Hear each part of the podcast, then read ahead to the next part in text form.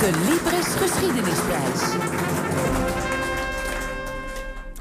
Ja, die kwam er heel hard in. Het is weer tijd voor een van de genomineerde boeken voor de Libris Geschiedenisprijs. En daarvoor is Bart Funnekotter aangeschoven. Goedemorgen, Bart. Goedemorgen. Uh, welk boek is het dit keer? Nou, ik wou beginnen met een gedicht. Oh. Daar komt hij. Daar maak je toch geen gewoonte van, Bart? Nee hoor. Bandweger, Bramsteng, Bulkvaart. Draaibas, Goteling, Harpuis. Lapsalven, Oplanger, Pikbroek. Putjer, Wegering, Zielverkoper. Nou, daar kan Jan Handlo natuurlijk een puntje aan zuigen. En dit is natuurlijk helemaal geen gedicht. Dit is de verklarende woordenlijst uit het boek uh, Het Monsterschip. Maarten Tromp en de Armada van 1639 van Luc Panhuizen. Dit is een boek uh, dat als je het leest, je het zeezout op je lippen proeft. Mm -hmm. uh, en omdat niet iedereen meer thuis is, thuis is in de, de, nautische termen van die tijd... staat er achterin een uitgebreide woordenlijst met dit soort heerlijke woorden... waar, waar je helemaal weer in de 17e het, eeuw belandt. Het voldoet ook volledig aan jouw afwijking, hè? Ja, ja zeker. Ja. Bedankt. Maar vertel, ja. waar, waar, gaat het over? het gaat over de uh, Maarten Tromp. Die werd in 1637 uh, admiraal van de Nederlandse vloot. Nederland vocht uh, toen nog het, het, staartje van de 80-jarige oorlog uit tegen Spanje. En Nederland had heel veel last van Duinkerken. Daar zaten kapers die de Nederlandse visserijvloot uh, aanvielen. Uh, die ook handelsschepen uh, veroverden. En tegelijkertijd werd Duinkerken gebruikt als een haven... waarin troepen vanuit Spanje naar het front werden aangevoerd. Dus er waren twee redenen om te proberen de zeemacht in het kanaal te veroveren... die kapers een kopje kleiner te maken... en te voorkomen dat de Spaanse armada zou kunnen landen in Vlaanderen... om op die manier meer troepen aan land te brengen. Nou, daarvoor werd Tromp dus uh, aangesteld als admiraal. En hij had veel minder schepen dan de Spanjaarden. Het waren ook minder snelle schepen.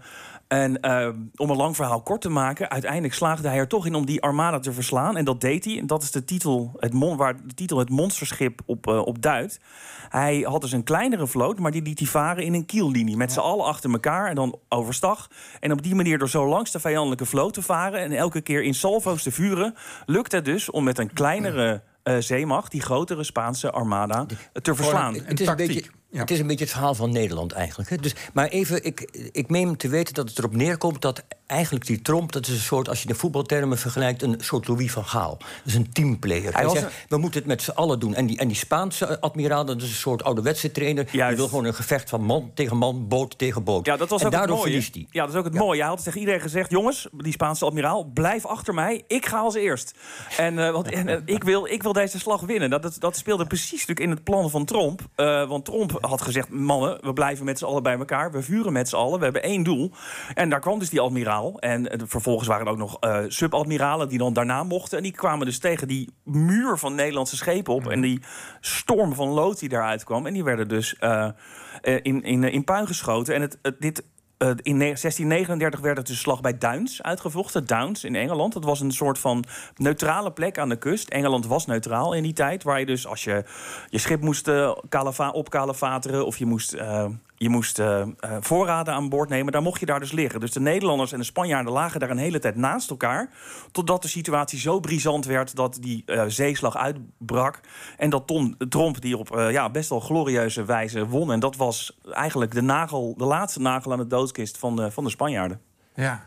En het schijnt ook geweldig geschreven te zijn als een soort heel spannend boek. Ja, klopt. Uh, Dit is niet een uh, boek met hele ingewikkelde kaartjes en tactische bewegingen. Dit leest als een spannend boek waarin ook de spanning tussen Tromp en Witte de Wit, zijn, zijn, zijn onderbevelhebber, heel mooi naar voren komt. Ja. Dus jij, jij, jij vindt het een kanshebber? Nou ja, wat Jos zei, dit is helemaal in mijn, mijn straatje. Dus uh, wat mij betreft wel, ja. ja. Bart, ik zei afwijkingen straks, maar Bart die verzamelt vliegtuigen, plaatjes, et cetera... en houdt van data en gekke gegevens. Dus vandaar die Ja, zeker. Dit is ja. helemaal mijn ding. Dus uh, mijn zegen heeft dit boek. Ja, ja, ja ik, ik, ik, ik, las nog ergens dat Maarten het hart nadat hij dit boek had gelezen...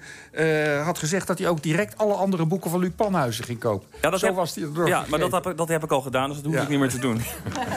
Goed.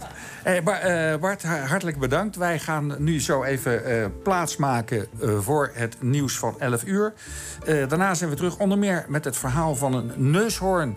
die in de 18e eeuw furoren maakte in Nederland en volle zalen trok. En een vergeten Romeinse stad in de buurt van Den Haag. tot zo, tot na het